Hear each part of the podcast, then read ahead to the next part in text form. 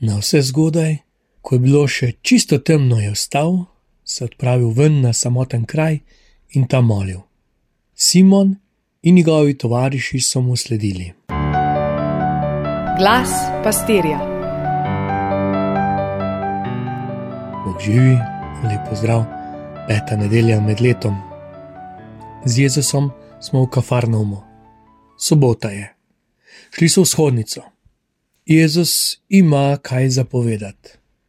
Danes poudari, da je zato prišel dal znanja. Pa vendar to ni edini razlog. Večkrat slišimo koga, ali morda celo sami kdaj zapademo temu razmišljanju, da je sicer pomembno, da gojimo duhovno življenje, ni pa potrebno, da bi bili del cerkve ali da bi hodili k maši. Kakor tempelj ali shodnica nekoč, tako crkva danes ne pomeni samo osebnega odnosa z Bogom. Nevarno je, da naš osebni odnos na tiho zamenjamo z zasebnim. Kaj nastane? Nastane privatna, individualna, poljubna razlaga vere. Zgodi se, da jaz, ki sem proti korporacijam in inštitucijam in religijam, doma ustvarjam religijo po svojem merilu. Kriteriji pa sta večinoma moje počutje in moje razumevanje.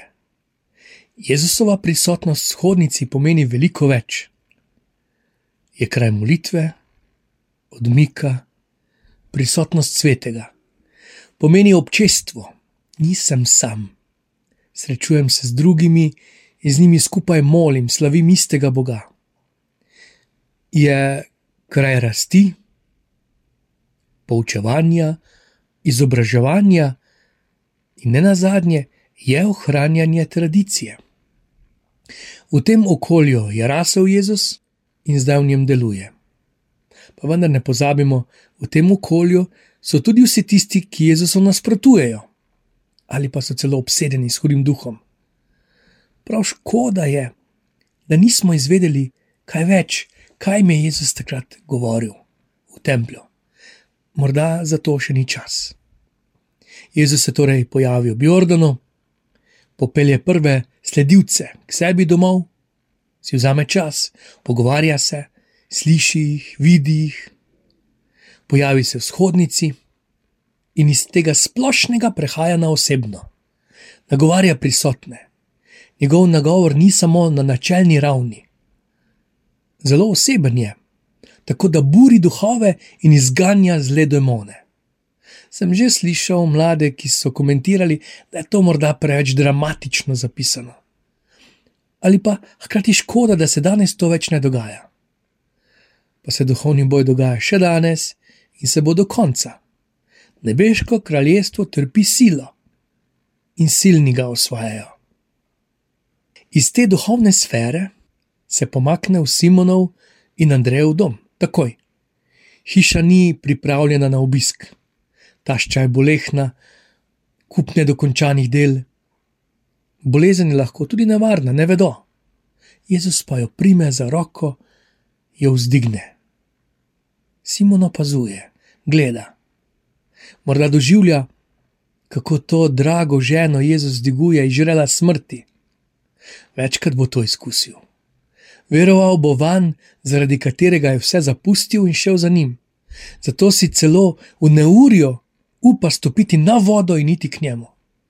Pa ga bo zagrnilo vodovje in bo tam roka, ki ga bo vzdignila. Pa bo tam temna noč, ko bodo vsi podremali in pospali, upitje in že bo prepozno.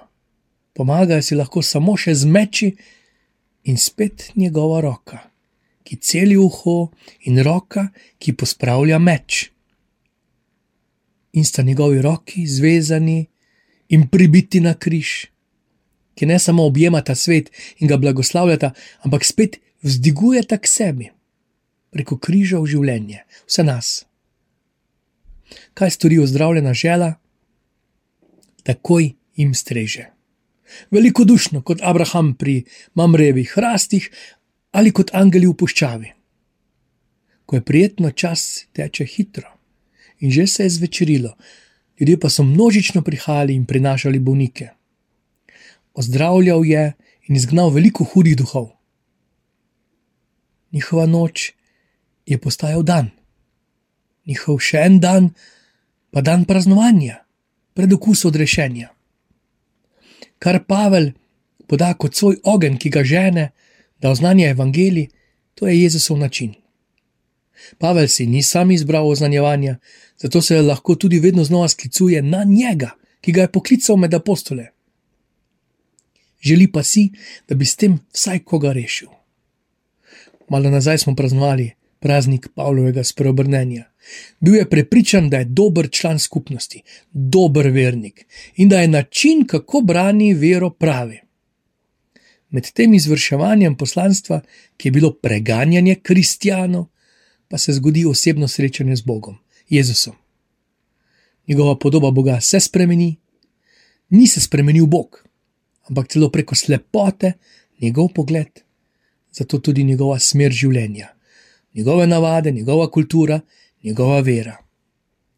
Zato je še toliko bolj pomembno, da sledimo Marku, ki razkriva obličje živega Boga. Slutnja ljudi jih je že napeljala, da se čudijo, morda celo občudujejo Jezusove besede. Govori z oblastjo. Kakšni so bili komentarji šele po današnji izkušnji? On ozdravlja, on moli, on oznanja. In ne da se ujeti, ne med domače, ne v domači kraj, ne v domačo religijo in ne v domač čas. Pred okupacijo tako potrošnikov, ki bi radi čudežev, ali vernikov, ki iščejo znamen z neba, se umika k očetu. In učenci mu sledijo, zgodaj zjutraj šel moliti. Preden gre v dan, preden gre v akcijo, ogreva se za dan, to vedo športniki, kaj to pomeni, to vedo vsi delavci, ki se pripravljajo na delo, kaj je potrebno v teh pripravah. To vemo mi, ko gremo v svet. Zakaj bi kot kristijani ne sledili temu vzgledu? Tudi tisti, ki ne hodite redno k maši. Če sledim Jezusu, sledim njegovemu vzgledu. In spet se bo pokazalo, kako sledim tudi mnogim, ne samo menihom in nunam, ki pred delom posvetijo svoj dan Gospodu, svoje delo, družinske člane, zdravje, trpljenje, še mnogo drugega, istemu dobremu očetu.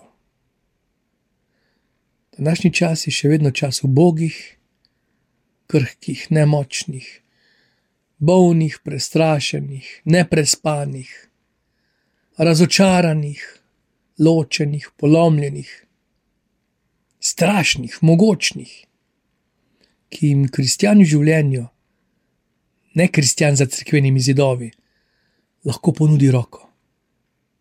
Lajša gori z njimi in za njih moli, jim oznani moč, oznanila. Končno, pri tem nisem sam. Tudi sam sem krhek, potrt, v dvomih, razdvojen, pa vseeno na sebi čutim njegovo roko. Dejansko v svet grem z Bogom, z roko v roki. Kako lepo, kako močno oznanilo. Boka živi vse dobro.